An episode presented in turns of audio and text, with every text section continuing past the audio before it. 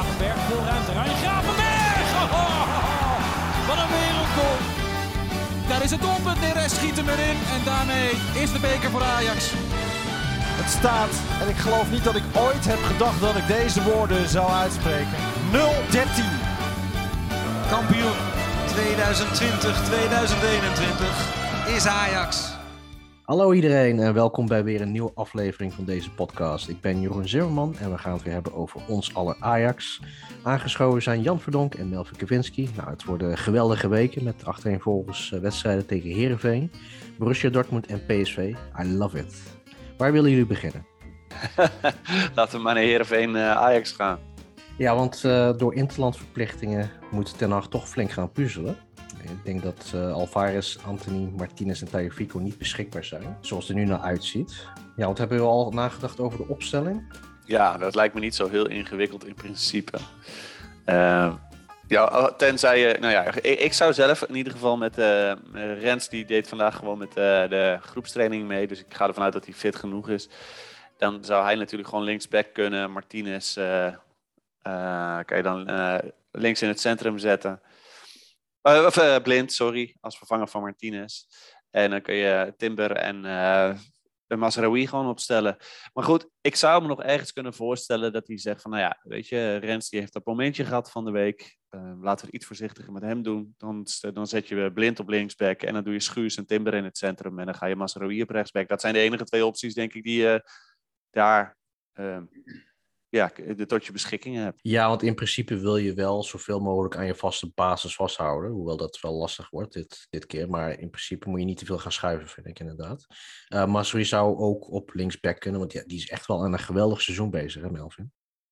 Ja, die is uh, fantastisch teruggekomen van zijn blessure. Elke wedstrijd haalt hij wel een dikke voldoende, die jongen. En uh, ik vind het ook leuk als, als hij altijd meer naar voren gaat. Dat hij altijd gevaarlijk is in de op de, de helft van de tegenstander. Ik vind dat hij ook een uh, goede, goede connectie heeft met Anthony.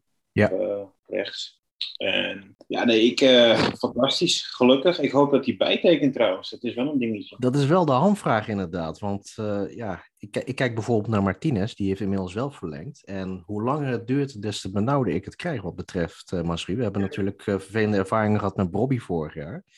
Uh, dus hoe langer het duurt, des te meer twijfel ik eraan. Uh, hoe zit dat bij jou, Jan? Heb jij intern iets opgevangen of iets dergelijks? Nee, nee, kijk, je weet gewoon dat op het moment dat iemand uh, bij, bij Rayola in, in de staf zit, zeg maar, of, of gewoon de, daar in zijn mhm. stal zit, dan, ja, dan heb je toch wel sterk het, het risico dat, dat hij er, ergens anders zijn, zijn hel gaat zoeken. Kijk, ik, ik zie altijd twee verschillende stromingen. Dus je hebt mensen die gewoon echt heel duidelijk een carrièrepad voor ogen hebben. En ik denk dat Gravenberg bijvoorbeeld zo'n voorbeeld is. Die heeft al lang heel veel uh, aanbiedingen um, geweigerd uit het buitenland. Die echt wel, uh, nou ja, heel aantrekkelijk waren, laten we het zo zeggen. Ja, die gasten weten gewoon heel duidelijk wat ze willen. En daar, kan, daar gaat um, Rayola niet de ruimte voelen om een wicht te drijven, weet je wel. En dan, ja, die gaat natuurlijk uiteindelijk wel weggebracht worden een keer. Maar die, dat is wel, uh, wel redelijk duidelijk wat die zelf willen. Op het moment dat die gasten niet weten wat ze zelf willen, zo'n Brobby, die had niet helemaal duidelijk voor ogen, dan voelt natuurlijk zo'n zo'n Raiola ook wel een beetje de ruimte om, uh, ja, om een beetje richting het buitenland en richting het financieel meest aantrekkelijke bod uh, te douwen. Dus uh, ja, ik denk dat dat hier ook weer gaat gebeuren, dat vrees ik. Ik vind het jammer hoor, want ik had Ma Mazraoui, ja, weet je, wat mij betreft maak je hem de vijf of de zes de best betaalde speler van de, van de selectie, zeg maar. Want ik vind hem echt wel, nou ja, die kwaliteiten hebben. Zeker nu hij deze stap heeft gezet. Maar goed, ik vrees dat het er niet van gaat komen en dat we hem volgend jaar in Italië gaan zien. Ja, ja, wat ook meespeelde is dat hij iets ouder is dan Gravenberg. Hij heeft inmiddels de leeftijd bereikt waarop je het zou kunnen verwachten. Uh, er zijn talenten die in het recente verleden eh, jonger zijn weggegaan, zoals Dest. En dan vind ik het wel interessant te zien hoe Ajax dat gaat opvangen. Hè? Of misschien een paar mensen uit de jeugd laten doorstromen. Uh, Kleiber heb ik altijd als een uh, backup gezien. Uh, Rens ja, zou daar kunnen spelen, maar vind ik idealiter eerder een centrale verdediger of een middenvelder. Zijn er misschien vervangers in de Eredivisie die geschikt genoeg vinden? Dan zou je echt in de jeugd moeten gaan kijken. Als je dat er bij jonge Ajax wat rondloopt, ik zou het echt niet weten. Maar in de Eredivisie sowieso niet. En vooral niet van het kaliber Massa Hoe zeg je dat? Met, samen met Timber en met Rens moet het eigenlijk een soort van drie opties eh, worden voor twee posities, denk ik. Dat zou mooi zijn. En uh, op termijn hebben we daar straks denk ik wel een paar leuke talenten die door kunnen komen. Zo'n uh, Henry bijvoorbeeld. Maar dat duurt nog eventjes. Hè? Dus pas 16. Ja, Uh, ja en in zo'n, in zo'n ja bijvoorbeeld in die jonge Ajax. Dat is, kan wel iemand zijn die nog centraal door gaat, gaat breken. Ja, dan kun je natuurlijk... Hè, want Timber en Rens kunnen uiteindelijk allebei rechtsback. maar, maar goed, dat is allemaal wel heel jong en heel uh, Pril nog zo'n zo jaar ook. Die laat het pas net een paar wedstrijdjes zien, is nu ook weer geblesseerd. Dus ik denk dat ze uiteindelijk inderdaad wel de transfermarkt op, uh, op moeten gaan. Maar ja, of, of, of je in Nederland uh, je opties hebt, ik, nou, ik zie ze ook zo snel nog niet. Nee. Ja, het wordt wel interessant. Wat mij betreft wordt het wel echt een kwestie van dat Masri toch echt wel in de winter moet gaan verlengen. Anders kun je er gewoon, anders kun je ze, ze koffers aan gaan pakken, wat mij betreft. Niet dat je ja, maar niet verkopen. Niet nee, verkopen in de winterstop. Nee. nee. Zeker, je, je hebt gewoon ambities. Hè? Dat vind ik eigenlijk uiteindelijk, ze moeten het ook niet zo moeilijk doen met het Onana. Ik zeg, uh, als jij gewoon uh, je ambities hebt in de Champions League, hij kan het verschil maken tussen een kwartfinale of een halve finale. En dat, dat levert je alleen al ruim 10 miljoen op. Dus ja, gewoon die gasten bijhouden, dan maar gewoon gratis de deur uit. Ja, je kunt het uiteindelijk wel, wel gaan terugverdienen. Dan zijn ze hun geld tenminste nog een beetje waard. Als ik Ten Hag zo hoor, tussen de regels door ook, dan denk ik dat hij voor zichzelf er wel uit is. En dat als Onana terug is, hij hem wel de kans gaat geven. Dat denk ik ook. Maar ja. uh, bij Onana is natuurlijk wel een iets extremer geval dan, uh, dan Masraoui. Want Masraoui is altijd netjes geweest. Hij heeft ook altijd gezegd van ik wil heel graag bij de club blijven. Uh, ja, en hij heeft niet uh, een, een, hele lange schorsing gehad bijvoorbeeld. Zoals bij Onana het geval is geweest. Dus ja, ik kan me voorstellen dat het net even iets moeilijker ligt binnen de club. Ten Hag is gewoon iemand die wil presteren. Ik bedoel, wil hij bekend staan als een trainer die aan zijn principes vasthield en met Pasveer in de tweede ronde eruit vloog? Of wil hij bekend staan als een trainer die met Onana heel ver kwam in de Champions League? Dat lijkt me geen lastige keuze in principe. Mij ook niet, nee. Wil je nog wat kwijt over Heerenveen, Melvin? Ja, die gaan we gewoon winnen. Dus, het, voelt, het voelt echt als een tussendoortje, hè? Ja, precies. Het is, ja, nou ja, we moeten niet te licht denken over Heerenveen natuurlijk. Want, maar ik vind wel dat ze te hoog staan voor hun, uh, voor hun kwaliteit. Ja, na de, na de voorbereiding had ik er uh, weinig fiducie in, maar ze doen het heel, heel leuk. Uh, ja, maar hadden ze, vorig, ja, hadden ze vorig seizoen ook. Hadden ze een hele slechte voorbereiding. En toen begonnen ze ook heel goed aan het seizoen op een gegeven moment. En dat hebben ze dit jaar weer, dit seizoen weer. En, maar ik vind dat ze wel te hoog staan voor de kwaliteit die ze hebben. Dus uh, ze leven iets boven de stand op dit moment, sportief gezien. Nou, die moet je gewoon, die moet je gewoon winnen. Een goede voorbereiding voor dinsdag. Ja. ja, want over dinsdag gesproken, uh, Borussia Dortmund, ja, dat wordt wel het uh, cruciale tweeluik in deze pool. Dat was van tevoren al bekend. Uh, persoonlijk denk ik dat, ja, als je deze wint, dan ben je er in feite. Want dan kom je op negen punten. dermate goed onderling resultaat tegen de andere twee. het kan nooit dat twee ploegen met tien punten naar boven gaan eindigen. Er moeten wel hele gekke dingen gebeuren. Ja, tuurlijk. Ja, en uh, dan ga je altijd weer van die mensen krijgen die zeggen van ja, maar daar moet je voorzichtig mee zijn. nee, daar hoef je niet voorzichtig mee te zijn. Dat ga je dan gewoon halen. Alleen ja, kijk, en uh, dat is het mooie bij, bij Ten Hag, weet je, dat hij er toch wel scherp op blijft op die jongens. En uh, ja, dan moet wel heel veel pech krijgen. Wil je met zo'n brede selectie dan toch nog niet gaan halen. Ja, en wat mij betreft is het niet meer de vraag van of Ajax gaat overwinteren, maar pak je die eerste plek. Dat gaat ook zeker meespelen. Tuurlijk, dat is uh, super belangrijk. Want ik bedoel, ga ze maar eens op een rijtje zetten. De, de, de, de, nummers 1 van elke pool en de nummers 2 van elke pool zit een wereld van verschil tussen. En nou denk ik wel dat Ajax tegen elke nummer 1 wel kans heeft. Maar tegen die nummer 2 toch nog echt wel een stuk meer kans. Dus uh, nee, ik, ik, ik heb eigenlijk wil ik, wil ik gewoon dat ze doorgaan als nummer één. Dat moet je ook gewoon die ambitie moet je hebben op dit moment. Ik vond het trouwens wel opmerkelijk van de week dat uh, naar voren kwam dat Borussia Dortmund interesse heeft in Haller. Dat vind ik een beetje zo'n tactiek die wij voorheen toepasten als wij tegen een tegenstander moesten, waarbij één speler er bovenuit stak en dat ze dan zijdelingse interesse tonen, zeg maar, om die speler een beetje het hoofd op hol te brengen. Ik weet niet of dat uh, de insteek is van Dortmund, maar ik vond het wel opvallend. En wat ik ook opvallend vond, was ten, dat Den Haag uh, er ook openlijk over speculeerde. Van ja, ik vind dat hij wel bij Dortmund zou passen in het spel. Dat hoor je normaal gesproken niet zo snel. Ze kennen hem natuurlijk ook van de Eintracht Frankfurt uh, tijd. Ja, zeker. Dat zullen ze echt niet vergeten zijn. Bij West Ham heeft hij het weer minder gedaan. Ik weet het niet. Als opvolger van, van Haaland, nou, ik, ik heb mijn twijfels. Nee, ik, denk, ik zie hem daar wel pas. Zeker als je een Malen bijvoorbeeld hebt die daar mooi omheen kan. Uh, ik denk dat die wel complementair aan elkaar kunnen zijn. En ja, weet je, uh, je moet gewoon realistisch zijn. op het moment dat hij uh, goed presteert in de Champions League, en, en, zoals hij nu doet, dan gaat hij interessant zijn voor clubs. En dan uh, zal er vast wel eens een keer belangstelling komen. Ja, vind ik helemaal niet, helemaal niet zo gek. natuurlijk heeft hij zijn beperkingen, maar ja, eh, als je daar een beetje doorheen kijkt, dan zie je gewoon ook een fantastisch rendement. En dan eh, denk ik dat het voor heel veel clubs een hele interessante spits kan zijn. Ja, vijf goals na twee wedstrijden, dat, eh, dat had niemand kunnen dromen. En eh, ja, wat mij betreft is het ook geen issue meer, dat prijskaartje. Kijk, je weet, als je in de winterstop een spits haalt, zeker van een Premier League club, dan betaal je iets te veel. Dat hebben we zeker gedaan. Maar dat prijskaartje heeft hij wat mij betreft al dubbel en dwars terugverdiend door al zijn goals in de Eredivisie, waardoor we dat ticket hebben bemachtigd. Dus dat vind ik niet echt meer relevant. Alleen, de vraag vind ik wel gerechtvaardigd van, eh, kun je met hem verkomen in de Champions League? Ik denk nog steeds wel dat als je bijvoorbeeld uh, straks bij Dortmund moet spelen of ergens anders in de Champions League, dat uh, de Tadic variant nog steeds wel een legitieme optie is. Als je wat verder van de goal komt te spelen. Want ik vind Haller vooral om de 16 dat hij dan echt in zijn kracht komt. Maar ik weet niet of, dat, ja, of hij wel hetzelfde rendement had als we wat verder van de goal komen te spelen. Dat ben ik een beetje eens. De, uh, ja, maar dat gaat eh, van de tegenstander afhangen. Waar, waar Ten Hag denkt dat de, de, de kansen liggen. Kijk, je kunt ook zeggen dat uh, Tadic op links, dat dat misschien een beetje te voorspelbaar op een gegeven moment kan zijn tegen, tegen de echte topclubs. Maar ja, nogmaals, dat zal van de tegenstander afhangen. Het kan zijn dat tegen de ene topclub Ten Hag denkt dat uh, Haller het beste is in de spits. En tegen de andere topclub dat, het toch, dat hij voor, voor Tadic kiest. Dus dat, ja, ik denk dat dat, dat moet je per, per wedstrijd zien.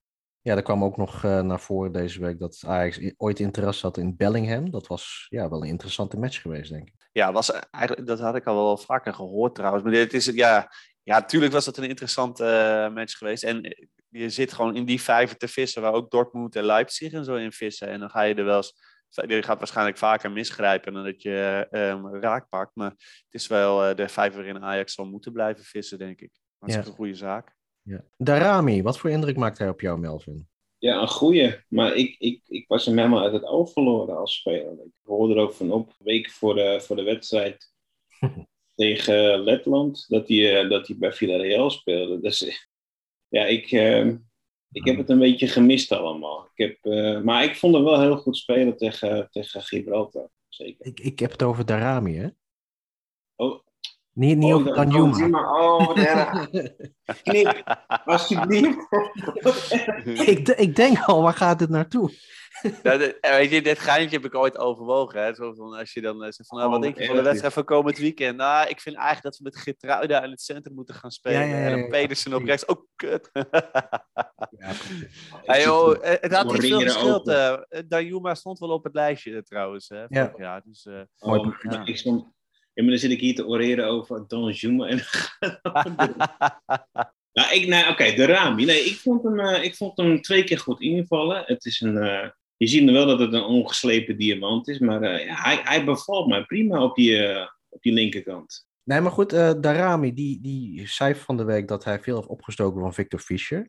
Uit zijn gezamenlijke tijd bij Kopenhagen vind ik altijd leuk om te horen. Eh, ook Boilers had altijd uh, lovende woorden over Ajax. Nou, terwijl die toch niet op een goede manier is weggegaan. Dus dat zegt wel een hoop, vind ik.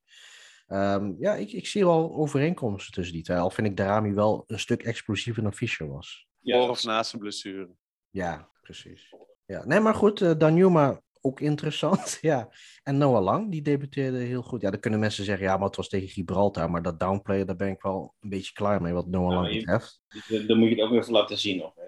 Die andere speler ook zien spelen bij... eh, Suleimana bij Ren bedoel je. Ja. ja, die is ook goed hoor daar. ja. Maar die is wat verder, hè? Hij is gewoon wat verder dan de, de Ja, Rami die is verder in zijn ontwikkeling. Maar Ja. ik denk dat eh, dan eh, de Rami toch wel eh, ja, op den duur toch wel beter gaat worden. Ja, lastig. Dat hangt volledig af van hoe hij zich gaat ontwikkelen bij Ajax. En of hij niet tegen een Fischer-achtige blessure aanloopt. Want dat kan alles eh, pesten natuurlijk. Ja, Fischer, dat, die kwam echt als een komeet, hè? Wat dat betreft. Ja, die wedstrijd tegen PSV, dat vergeet ik nooit meer. Dat was zijn beste wedstrijd. Welke was dat? Het was thuis tegen PSV, dat hij die twee keer eh, scoorde. Ja. Ja, Ja, dat kan ook, ja. Maar toen was hij echt knijtergoed, die wedstrijd. Dat was echt fantastisch. Hij heeft nooit meer een betere wedstrijd gespeeld in mijn optiek.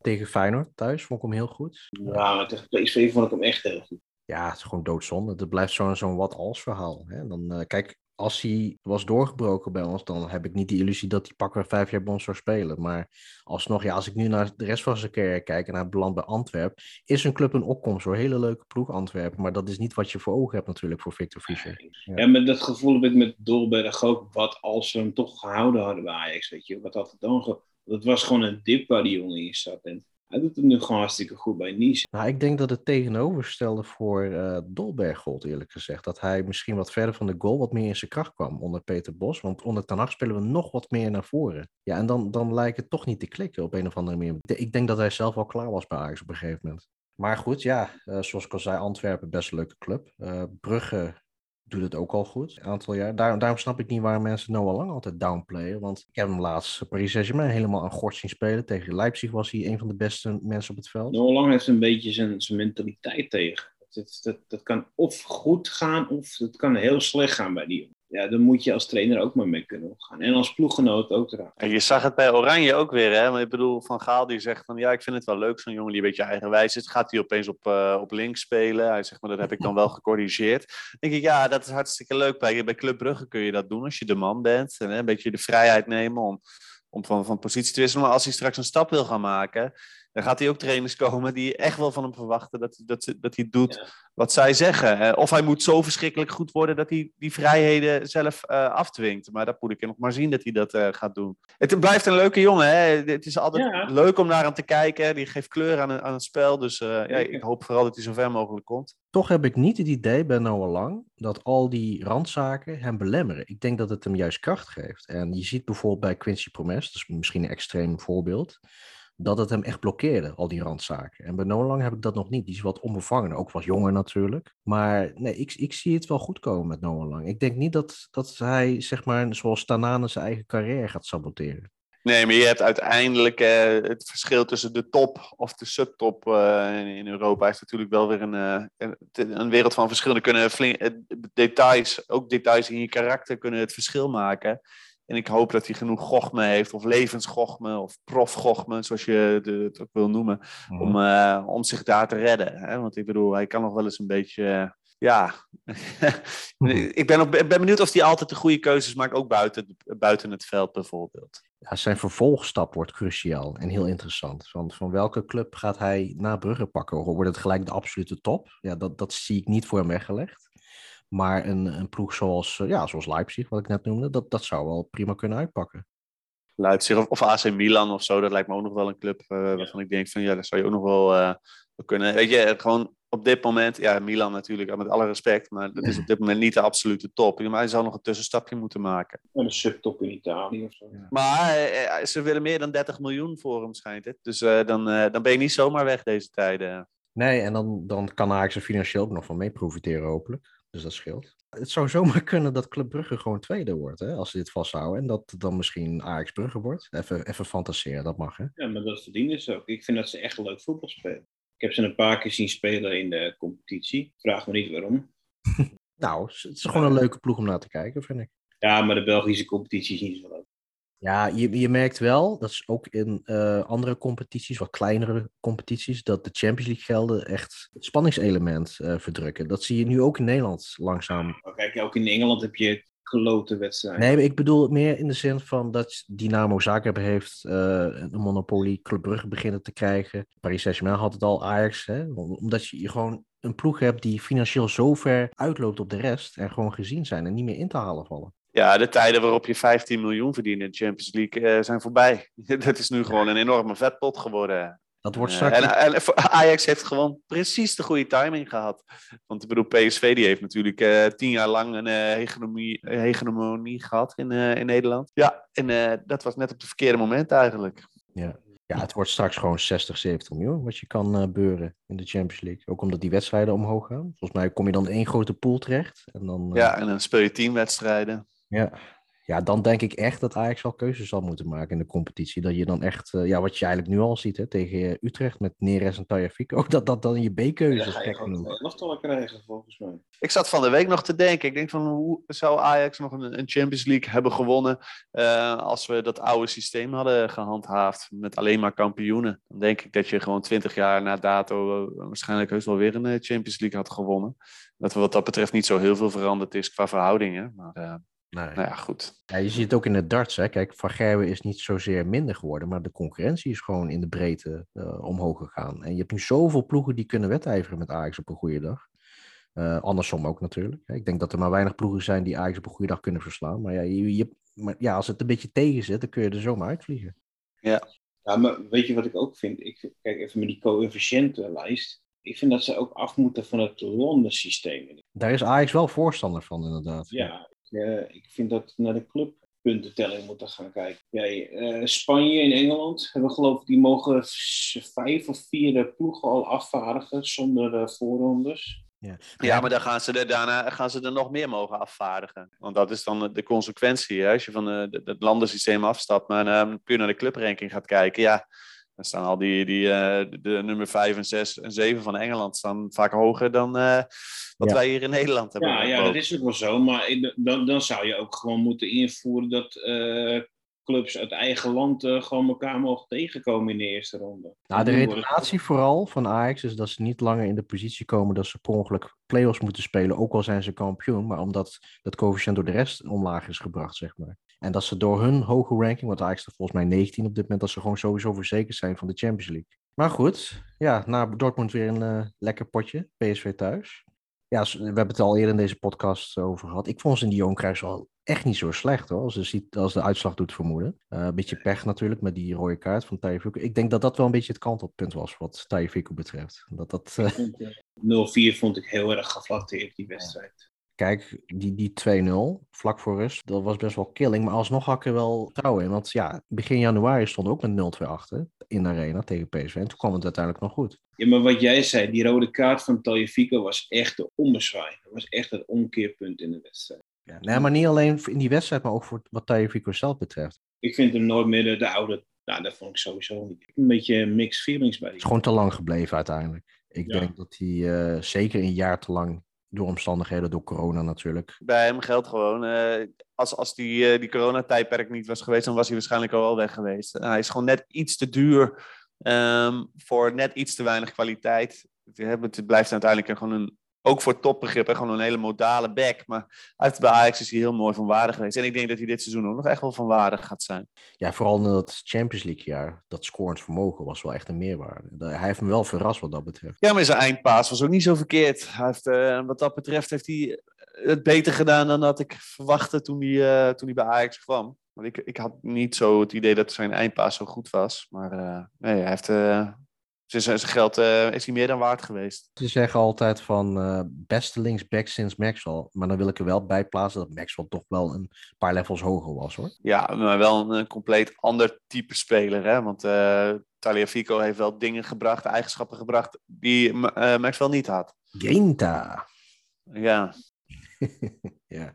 Nee, want ik wil trouwens wel een lans breken voor Alvarez wat dat betreft. Want we hebben in deze podcast toch veel kritiek op hem gehad, vaak terecht ook. Maar je merkt nu wel dat hij niet langer als een drenkeling op het droog overkomt. Positionering is een stuk beter geworden. Zijn eh, ja, awareness, hè, mooi woord, om hem heen. Nou, Ja. sinds zijn hereniging met zijn gezin vind ik hem echt een stuk, eh, een stuk beter geworden met voetballen ook. Speelt Dus, eh, zeker mee. Ja, maar ze zijn ook eh, intern met hem aan de slag gegaan. hè? Nee, ja, ik wil vragen, is hij nou veel aan het trainen? Is hij dat nou, die zoveel apart traint op Ajax?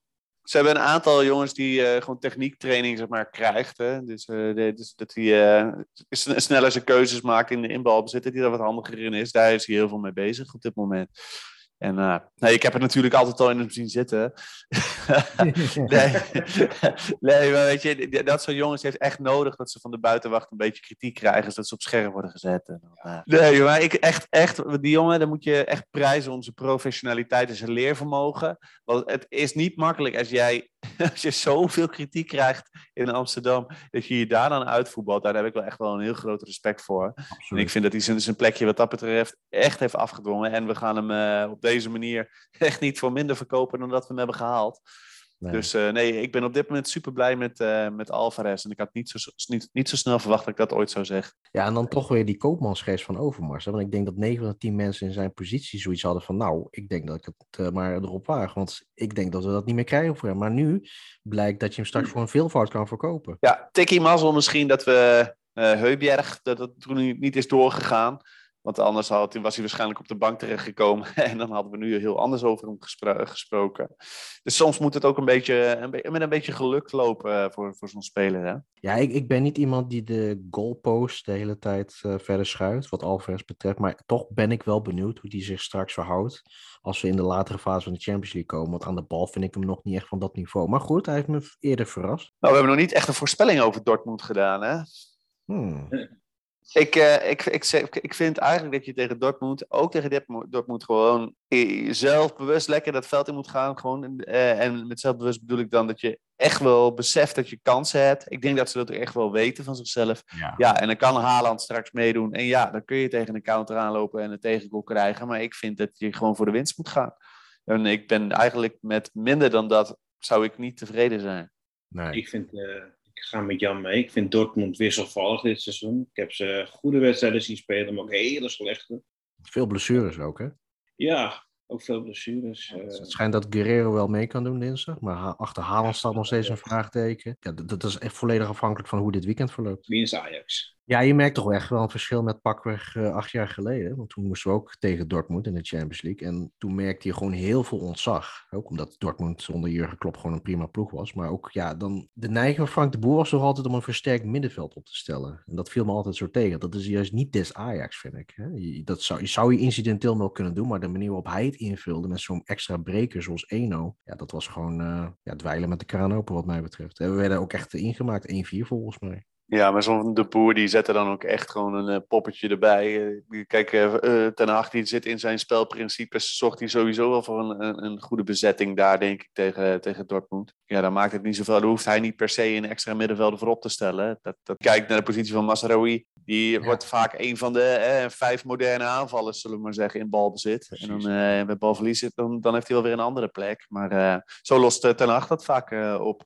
Ja, ja Daily Blind die schuift vaak in met zijn eh, sublieme paas. Ja. Ja, Piet, Pieter Zwart had pas een leuk artikeltje over eh, dat we eigenlijk een beetje teruggaan naar het, eh, de, het, het begin van het voetbal, toen je altijd vijf eh, eh, aanvallers op werden gesteld. Hij Ja. zegt, nou ja, tegenwoordig is dat eigenlijk ook weer zo, want ze willen al die zones bezet hebben. Aan de flanken willen ze wat hebben, maar ook in die, in die tussenruimtes, die halfruimtes. En dan ook nog in de, in de, in de middelste stroken. En al die, die stroken hebben ze bezet bij de aanval. Dus dan heb je eigenlijk weer vijf eh, aanvallers. En bij Ajax speelt Masraoui dan vaak komt hij terecht net naast Haller in die halfruimte. Dus ja, dat zijn wel leuke dingetjes om naar te kijken. Ja, 3-2-5, hè? dat was jarenlang eh, in de vooroorlog Ja. voetbalgeschiedenis En, en, Van Gaal die zegt dan, hij noemt Ten Hag ook vaak een van die, die coaches die eigenlijk te aanvallend speelt. Ten, ten, eh, van Gaal noemt zichzelf dan vaak eh, wat eh, conservatiever. Toch even, eh, ook in de loop der jaren iets, iets voorzichtiger geworden. Zeker. zeker. Ja, ik, ik vind dat Ten Hag nog altijd een beetje wordt onderschat wat dat betreft. Kijk, je kan het oneens zijn met enkele keuzes die hij maakt per individu. Maar tactisch heeft hij zijn zaakjes altijd dik voor, eh, voor elkaar. No pun intended. Dat is een, dat is een andere podcast. Nou, over Ten Hag gesproken. Ik vind, kijk, als je gaat kijken naar opvolging, ik vind die Fred Ging wel een eh, interessante optie. hij doet het heel leuk bij Willem II, maar ik denk niet dat dat gaat werken. Nou, dat, dat weet ik nog net zo niet. Ik denk met- name bij de achterban en bij de vijfde kolonne, zeg maar, in intern, dat als hij dan een paar keer verliest, dat hij niet dat krediet heeft, zeg maar. Ja, maar Want, want op zich, ik vind het een hele leuke trainer. Laat ze elftal altijd heel leuk voetballen. Eh, Willem II, ja, die doen het. Ja, eh, je zei daar straks dat Herenveen boven zijn stand speelt. Maar dat geldt voor Willem II helemaal. Ja, nee, Willem II ook, die horen net aan top 10. Dat is misschien tiende, negende plaats of zo. Of ja, Arne Slot vind ik ook een hele goeie trouwens. Hebben jullie trouwens die Feyenoord-docu nog een paar keer bekeken, of niet? Nog niet, nee. Dat staat bij mij nog wel op mijn lijstje van dingen die ik moet doen. Ja, het begint nu wel leuk te worden, moet ik zeggen. Ik heb één aflevering gezien, nou, ik heb hem halverwege uitgezet. Ik werd helemaal gek. Ik vind het wel ja, intrigerend hoor. Want ik, het, het doet me heel erg denken aan die documentaire van Ajax zo rond eh, begin jaar 2000. Ja, daar hoorden zij engelen zingen. Ook ontluisterend om te zien hè, hoe zo'n zo'n organisatie zoveel fouten kan maken. Ja, bij Feyenoord is dat niet anders, tenminste vorig jaar dan. En je merkt toch echt wel dat contrast met de omgeving waar Berghuis toen zich in bevond en de omgeving waar hij zich nu in bevindt. Dat, dat, dat- dan snap je waarom hij nu elke keer met zo'n smile het veld afstapt. Ja, voor die, ja, voor Corpot en Dick Advocaat heeft het niet goed uitgepakt, die serie. Dat weet ik wel. Die zitten nu te harken bij, eh, bij Irak, geloof ik. Nee, maar imagotechnisch, eh ja, je, je- Nee, maar eh, kom op nou zeggen, wat hebben we nou over advocaten en een leuke trainer, maar dat vind ik echt geen toptrainer. Kijk, nu weet ik wel, er wordt hevig in geknipt. en dan, dan krijg je niet een heel waarheidsgetrouw beeld. Maar alsnog, die tactische analyses zijn wel vaak van het niveau likmevestje, zeg maar. Ja, soort zoek soort, hè, bij Feyenoord. Eh, Nou, je merkt gewoon, ook in die documentaire, merk je gewoon dat er zo'n... Dat het twee van die stromingen zijn. Aan de ene kant de oude garde, dat is nu inmiddels wel veranderd sinds Slot er is. En aan de andere kant iemand als Koen Stam, die gewoon heel ambitieus is, met eh videoanalyses werkt en zo. Eh er is trouwens wel een leuke scène in die documentaire, dat hij alles in het Engels heeft staan. Die, en dan zegt de advocaat van, ja, waarom? We zijn toch een Nederlandse club? Hè? Van die kleine dingetjes, weet je wel. Maar ja, zou, zou dat bij Ajax ook werken, denk je? Of is dat te saai, omdat Ajax de zaakjes goed voor elkaar heeft? de Ajax is te zakelijk, denk ik. Nee, maar serieus. Ja, je moet het alleen doen bij clubs waarbij het niet zo goed gaat. Dat, dat levert het spannendste Ja, materiaal op. AZ nu bijvoorbeeld, dat, dat zou werken bij AZ. Nee, precies. Maar daarom heb ik die documentaires over Real en over City altijd overgeslagen. Van, eh, op, een op een gegeven moment wonnen we prijs nummer 5. Ja, dat, daar Dat zit is geen spanningselement in. Dat is alleen maar sprookjesland en het is allemaal goed en mooi en prachtig. Nee, dat- Ja, nou moet ik zeggen, bij de, eh, die over Michael Jordan was ook niet verkeerd. Ter- Terwijl ze daar toch ook heel veel wonnen. Maar goed, dan gaat het dan weer over één grote speler en, eh, en hoe hij eh, de focus behoudt. Dat vind ik wel, eh, wel mooi, in- interessant om te zien. Ja, en over de tijdsgeest. Hè? Bijvoorbeeld dat, Ja. eh, dat Dennis Rodman zomaar een paar dagen vrij Ja, om te gaan Ja. feesten in Las Vegas. Ja, dat is ja geweldig.